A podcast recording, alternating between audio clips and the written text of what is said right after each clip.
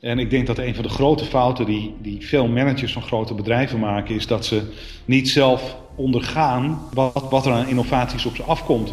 Dit is Ondernemerspassie. Mijn naam is Alex Leopo en ik breng je energieke, inspirerende en motiverende interviews met starters, topondernemers en nog veel meer leuke en bijzondere mensen. Welkom uh, Ruud Hendricks. Je bent de grondlegger van de commerciële radio en televisie in Nederland. Was commissaris bij iWorks en Theodor Gillissen Markiers. En lid van de raad van advies van onder andere reclamebureau BSUR. En lid van de raad van toezicht van het Frans Hals Museum. Ik ben ook presentator bij BNR News Radio. En spreek regelmatig over innovatie, media en ondernemen. Je bent ook co-founder van Startup Bootcamp. Welkom Ruud. Zou je wat meer over jezelf willen vertellen en waar je nu mee bezig bent? Met, met veel genoegen. Je zei het al, ik ben een van de oprichters van Startup Bootcamp. Wij zijn een uh, accelerator. Wij helpen startups om sneller te groeien. Dat hebben we inmiddels met zo'n 260 eh, bedrijven gedaan. Uh, in de afgelopen vier jaar. Daarvan bestaat nog zo'n 84 uh, procent. In Amsterdam hebben we er 60 gedaan en daarvan bestaat nog 94 uh, procent. Wij uh, geven start-ups een half jaar toegang tot onze kantoorruimte, toegang tot ons netwerk, toegang tot uh, uh, 400 mentoren. Uh, en we begeleiden ze van uh, soms een idee naar een werkend product in uh, 100 dagen. Daarna helpen we ze ook nog 100 dagen om financiering op te halen. En daarna komen ze terecht in ons alumni-programma, waarbij we ze nog jaren begeleiden, zolang wij aandeelhouder zijn. En wij doen dat alles in ruil voor 8% van de aandelen van zo'n van zo'n start-up. Ehm, dus dat is wat we doen. los van Startup Bootcamp hebben we nog een tweede bedrijf. Dat heet uh, InnoLeaps en dat doet eigenlijk uh, non-traditionele consultancy. Dat wil zeggen dat wij grote bedrijven helpen, zoals Philips bijvoorbeeld, om uh, afdelingen en producten ook daar sneller te laten groeien. Dus InnoLeaps is het zusje eigenlijk van Startup Bootcamp. Dus ik ben de hele dag met innovatie bezig.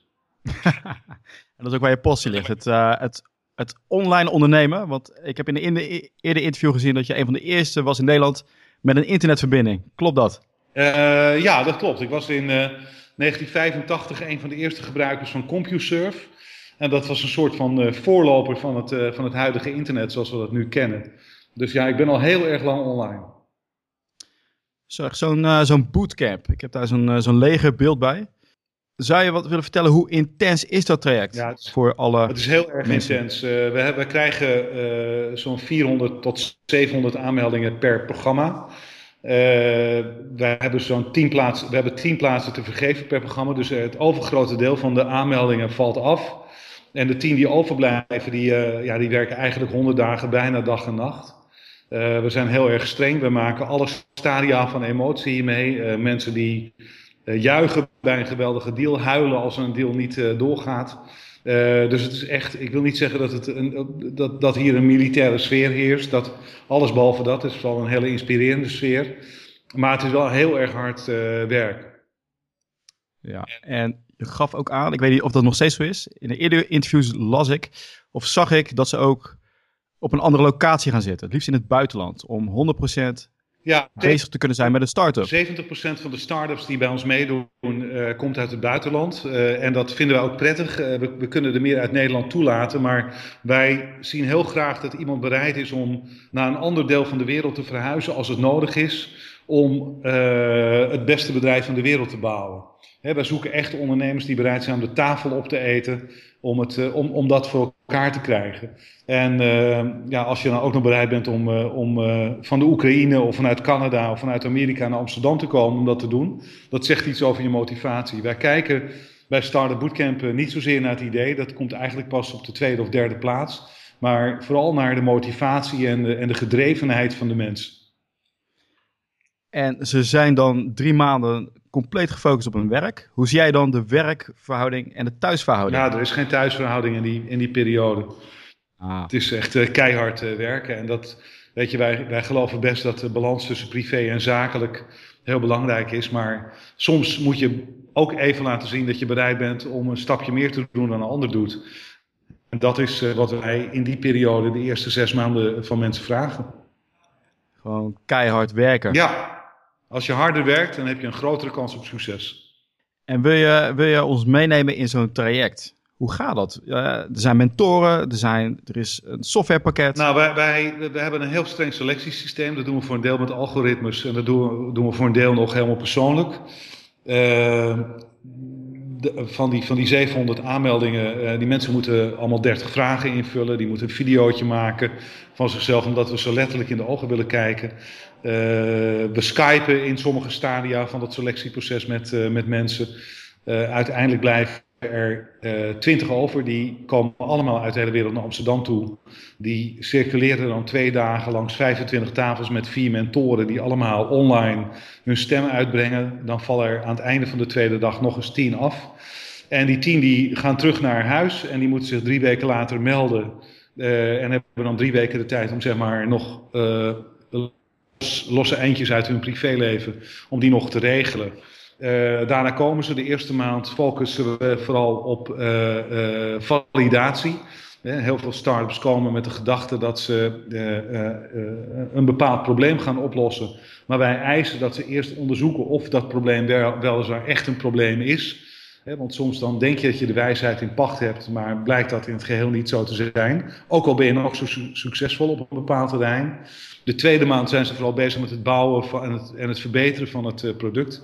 En de derde maand vooral met het verkopen van dat product. Want iedereen die bij onze demo day mag presenteren aan een zaal met 400 investeerders, heeft eigenlijk al echte klanten.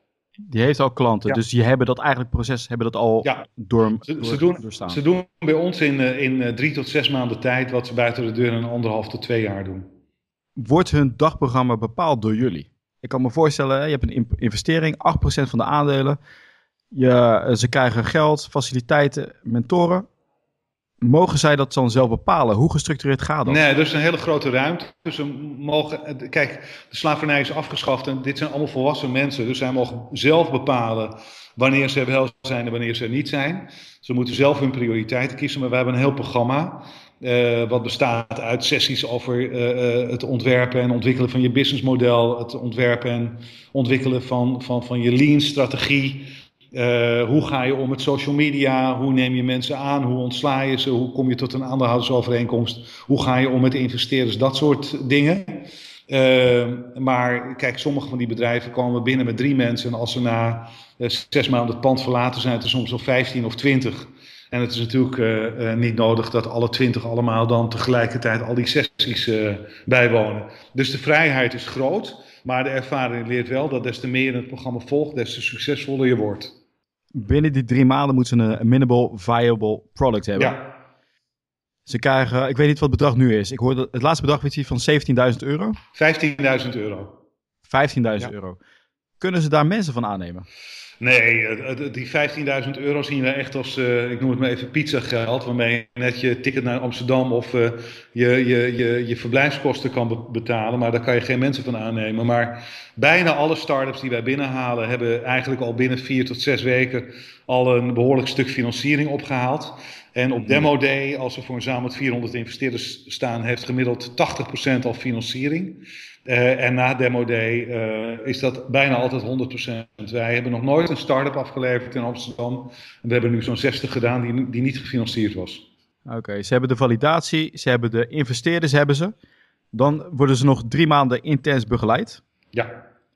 En daarna gaf je ook aan, en dat heb ik nog niet gehoord, dat er nog een natrekt is. Ja, er is een, uh, er is een, een fade-out fase. Waarin uh, met name ik persoonlijk ze help om uh, die financiering echt goed op orde te krijgen. Ehm, dan, dan loopt zeg maar, het normale deel van het programma loopt dan niet meer. Uh, en daarna, hebben we, als, dan, daarna moeten ze ook het pand echt verlaten. Na zes maanden komen er weer tien nieuwe start-ups uh, binnen. Um, en, uh, maar dan blijven ze onderdeel van ons alumni-programma. Dus dat betekent dat ze ten alle tijde een beroep op ons kunnen, kunnen doen om ze te helpen met ons netwerk. En dat soort dingen onder één voorwaarde. En die voorwaarde is dat ze netjes rapporteren. Want als je niet rapporteert, word je niet geholpen. Zo simpel is het. Heb je het dan over de cijfers? Cijfers, ja.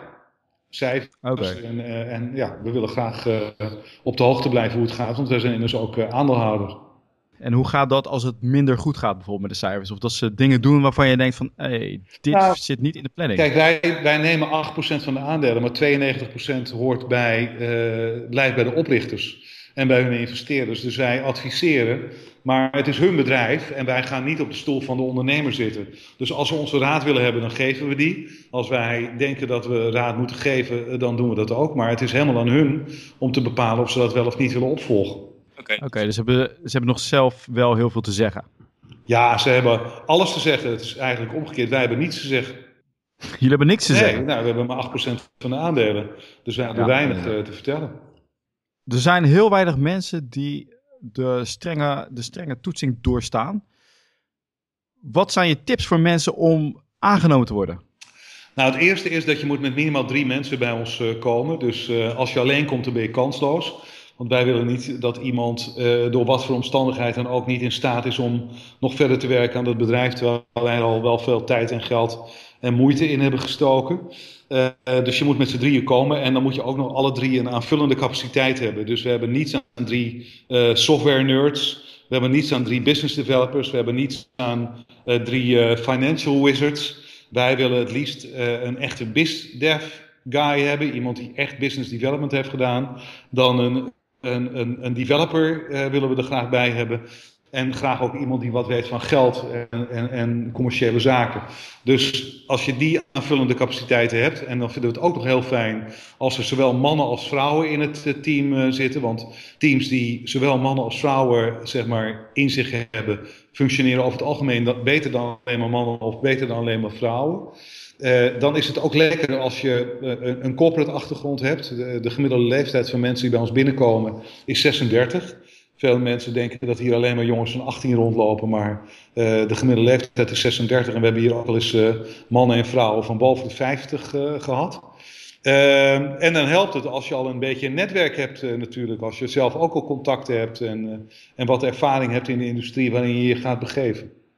Is er iets persoonlijks wat jij ziet bij zo'n ondernemer waar- waarbij je denkt, kijk, die heeft het. En dan heb ik het niet over zijn idee, maar meer over zijn drive. Nee, het gaat. eh, het- ik wil bij mensen echt het heilige vuur in hun ogen zien. Ik wil echt dat je, dat je ziet dat ze bereid zijn om all the way te gaan om eh, van dat bedrijf een succes te maken. Daarom heet het ook Startup Bootcamp. En dat is echt wat we zoeken. En hoe ga je dan om met bijvoorbeeld mensen die zitten in zo'n bootcamp, maar die hebben persoonlijke problemen of dat soort zaken? Nou, heel veel teams gaan kapot aan eh, onderlinge ruzies en niet zozeer aan eh, eh, het verkeerde businessmodel en dergelijke. Ik zeg heel arrogant dat de meeste businessmodellen die krijgen wij wel goed. Maar heel veel teams gaan ten onder aan onderlinge ruzies. En wij hebben dat weten te voorkomen door alle start-ups en alle teams die meedoen twee dingen te laten doen. Ten eerste, ze moeten allemaal een psychologische test afleggen voordat ze bij ons binnenkomen. Dus als ze eenmaal binnen zijn, dan weten wij eh, hoe zo'n team in elkaar zit, hoe die mensen in het leven staan, hoe ze onderling met elkaar omgaan. We, zien, we weten wat de individuele zwaktes zijn, maar ook de sterktes. En hetzelfde geldt voor het hele team. En ten tweede dwingen wij ze om eens in de maand eh, aan pre-mediation te doen. Dat wil zeggen dat wij niet wachten tot er een probleem ontstaat, maar dat wij eh, een mediator op ze afsturen nog voor het probleem ontstaat. Dus minimaal eh, eens in de maand gaan ze zitten met een mediator. En die gaat net zo lang zoeken tot elk probleempje wat er ook maar zou kunnen ontstaan is uitgesproken. En dat werkt heel erg goed, want wij hebben gelukkig heel erg weinig eh, team blow-up, zoals dat zo mooi heet. Preventief. Ja. Heel mooi. Heel mooi. Rut, ik wil het over jou persoonlijk hebben. Ik ben heel benieuwd. Jij bent al jarenlang ondernemer. Wat is nou, ik schakel nu even, wat is nou jouw slechtste moment? En ik ben op zoek naar een moment waarbij jij dacht, ik zie het niet meer zitten, ik stop ermee. Oeh, dat, heb ik, ja, dat klinkt heel raar, dat heb ik eerlijk gezegd nooit gedacht. Ehm, ik ben een, een ongeneeslijk optimist. En ik zie altijd eh, bij alle ellende nog wel een uitweg. Ehm, ik heb natuurlijk wel hele zware tijden gekend. Hele zware tijden. Eh Sport 7 was een, eh, een hele zware tijd. Eh, het bedrijf is na drie maanden uitzenden eh, ten onder gegaan. Niet failliet overigens, want we hebben netjes alle schulden betaald. Eh, ik heb het wel eens moeilijk gehad met, eh, met het, het opzetten van RTL, viel ook niet mee. Maar eh, ik ben nooit eh, wanhopig geweest. En ik heb, ik heb nooit echt gehad dat ik het niet meer zag zitten. Hoe komt het dat jij zo optimistisch bent? Ja, dat zit in mijn genen. Dat heb ik van mijn vader gekregen, denk ik. Ehm, die is net overleden, maar dat was ook een eh, enorme optimist. En ik heb, ik heb gelukkig heel veel energie, dus ik ben eigenlijk zelden of nooit moe. Uh, dat maakt het ook makkelijker om optimistisch te zijn. Want als je moe bent en, en, en, en er doorheen zit, zoals dat heet, dat, uh, dat helpt ook uh, niet erg. ik ben daarnaast in, in, hele goede conditie. Dat helpt. Ik train vier keer in de week. Ik, ik zit minimaal anderhalf uur per dag op de fiets. Ehm, ik eet en leef heel gezond. ook, ook heel belangrijk. Dus dat, en, en ik geef nooit op. Ik heb een paar marathons uh, gelopen. En uh, dan moet je ook af en toe even doorbijten. En uh, het, het, wordt opgegeven om gewoon niet in mijn vocabulaire voor. En dat vind ik niet een verdienste. Dat is gewoon een geluk waarmee ik geboren ben. sommige mensen kunnen de 100 meter in 10, binnen de 10 seconden lopen. En ik, ik ben nogal een doorzetter. Waar komt dat vandaan? Je zegt uit je genen. Is het, heeft het iets te maken met je opvoeding? Ja, het heeft ook te maken met mijn opvoeding. ik kom uit een heel eenvoudig gezin. Amsterdamse arbeidersgezin. En uh, daar uh, werd je eigenlijk. Uh, ja, in mijn sociale omgeving was het niet normaal dat je je aan die om, omgeving ontworstelde. En dat heb ik wel gedaan. Ik wilde letterlijk hoger op. Ik wilde financieel onafhankelijk worden. Niet vanwege het geld, maar wel vanwege de onafhankelijkheid.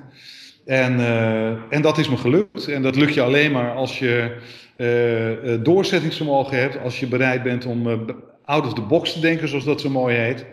En uh, ja, dat, is, dat is gewoon gelukt. Dus uh, ik denk dat mijn eenvoudige opvoeding uh, er erg toe heeft bijgedragen dat het, dat het mij zakelijk uiteindelijk erg goed is gegaan. Ik, ik, vind het een, ik vind het een heel bijzondere eigenschap. ik kan me voorstellen dat je heel veel kan betekenen voor die start-up mensen die misschien dat, dat gen niet hebben.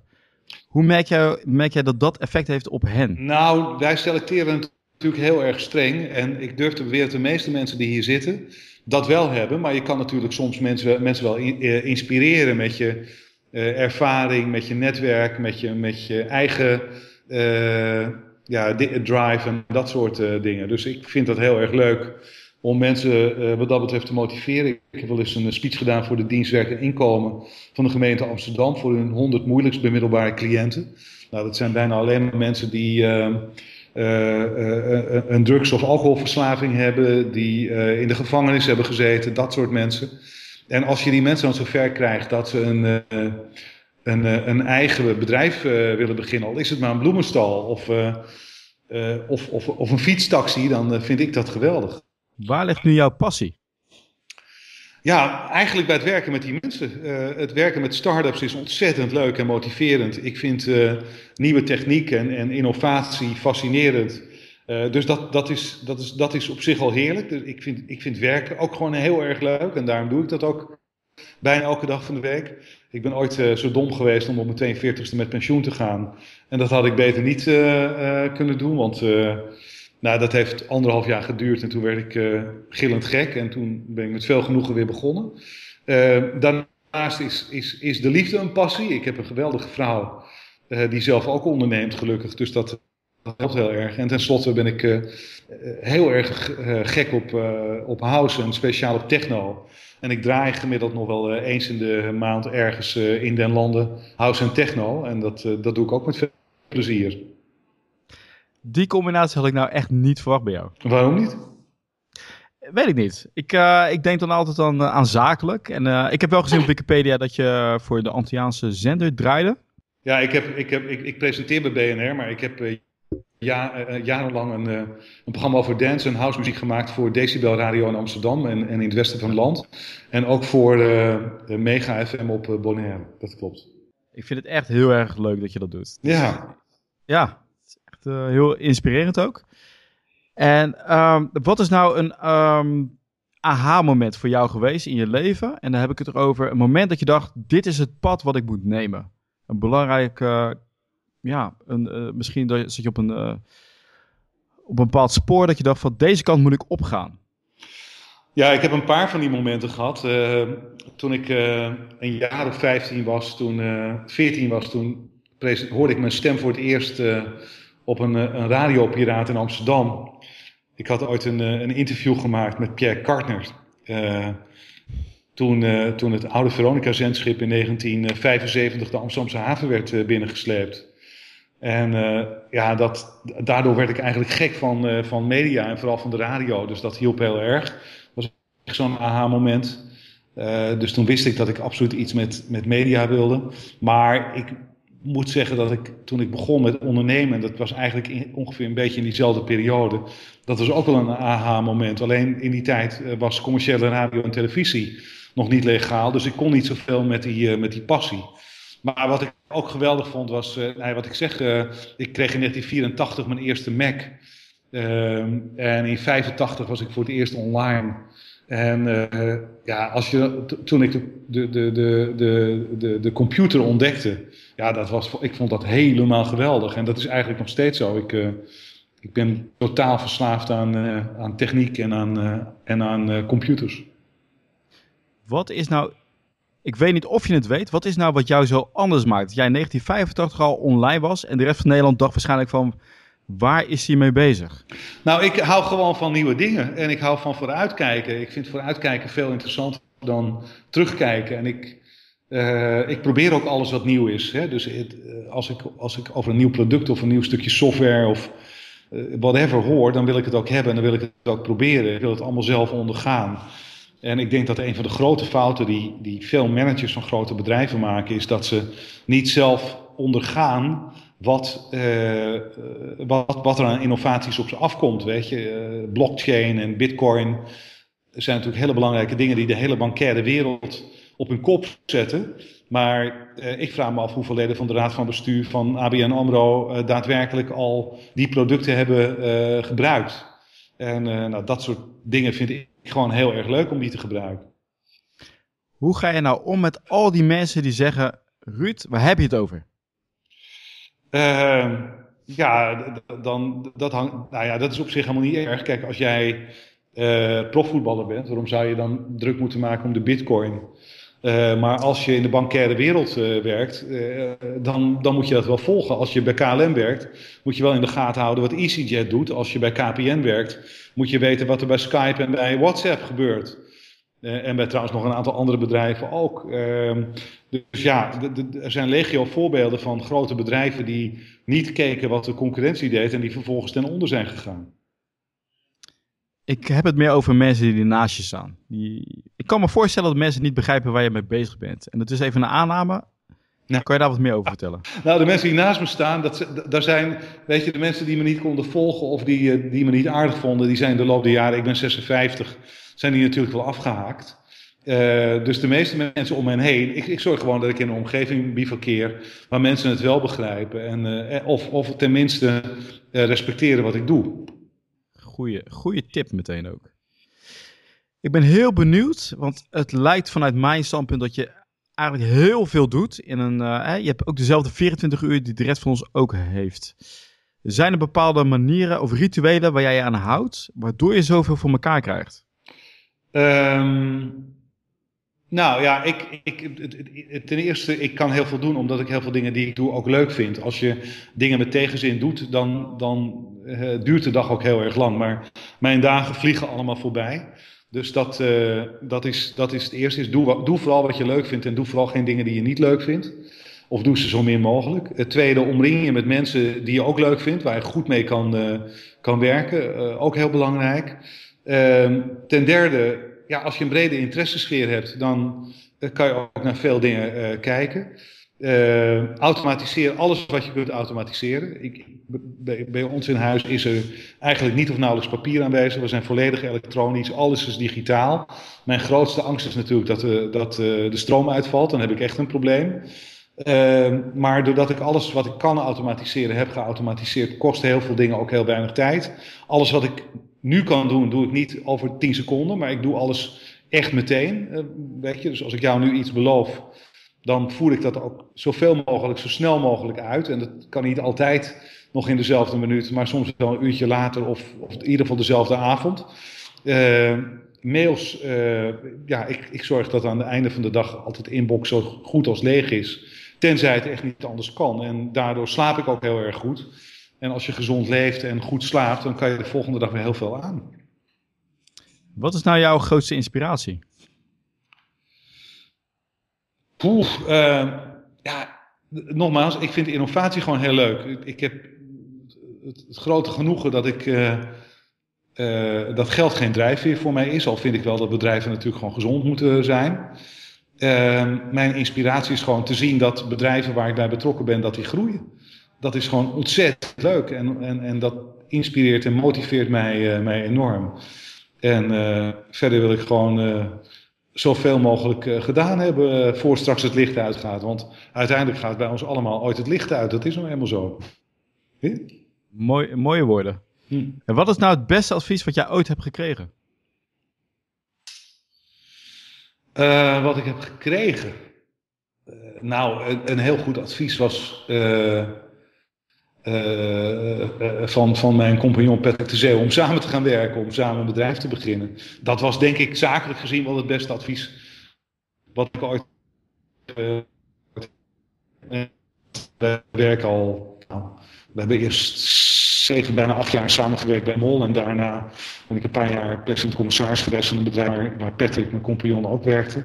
Maar we zijn sinds vier, ruim vier jaar zijn we echt zakenpartners en dat gaat ontzettend uh, goed. Dus dat was wel het beste advies om zakelijk zeg maar een beetje te trouwen met, met, met Patrick de Zeeuw. Van wie heb je dat advies gekregen? van hemzelf. dus, dat, was, dus dat was een goeie. Okay. Maar ik heb zelf ook altijd wel een paar adviezen voor, voor mensen. Ik, mijn levensmotto dans alsof niemand je... Heb lief alsof je nooit bedrogen bent en ondernemen alsof het nooit is gegaan. En dat probeer ik ook elke dag zelf uh, uit te voeren. Uh, en, en, voor mensen die overwegen om een bedrijf te beginnen, die me wel vragen van geef me één goede tip, zeg ik altijd, weet je, begin. Want er zijn zoveel mensen die overwegen om een bedrijf te beginnen, maar het uiteindelijk niet doen. En uh, je moet juist het wel doen. Je moet, uh, er zijn honderd waarom, waarom je iets niet kan doen, maar je moet vooral zorgen dat, dat je iets wel kan doen. Gewoon beginnen en dan maar onder. Ja. Uh, dan maar gewoon zien wat er allemaal misgaat en dan verder gaan. Net als Nike, just do it. Just do it. Ja. Mooie quote. Ik heb nog een laatste afrondende vraag. Ik, ik moet zeggen, ik vind het echt een super inspirerend gesprek wat ik met je heb. Dankjewel. Mijn laatste vraag is: Stel je moest overnieuw beginnen en het enige wat je had was een laptop en 500 euro. Wat zou je dan doen? Uh, oh, daar overval je me wel een beetje mee met die vraag. Een laptop en 500 euro. Uh, nou, met die laptop zou ik om te beginnen alles wat je gratis kunt gebruiken uh, installeren. Hè. Er zijn heel veel softwareprogramma's voor tekstverwerking, voor je administratie en dat soort dingen die je gratis kunt installeren. Dus het eerste wat ik zou doen is zorgen dat ik met die tools een hele goede administratie op orde zou krijgen. En dan denk ik dat ik uh, die 500 euro zou gebruiken om uh, uh, 400 ervan om marketinggeld te besteden online. om mensen duidelijk te maken dat ik bereid ben om ze van, van businessadviezen te voorzien. En dan vervolgens mijn uiterste best te doen om hele goede adviezen te geven. En op die manier van die 500 euro, die dan nog maar 100 euro is, uiteindelijk weer een heel groot bedrijf te maken. Ik denk dat ik dat zou doen. Ruud, ik vind het echt heel erg leuk om met jou uh, gesproken te hebben. Graag gedaan. Ik ga je zeker volgen. Goed zo. Alex, was mij genoeg te praten.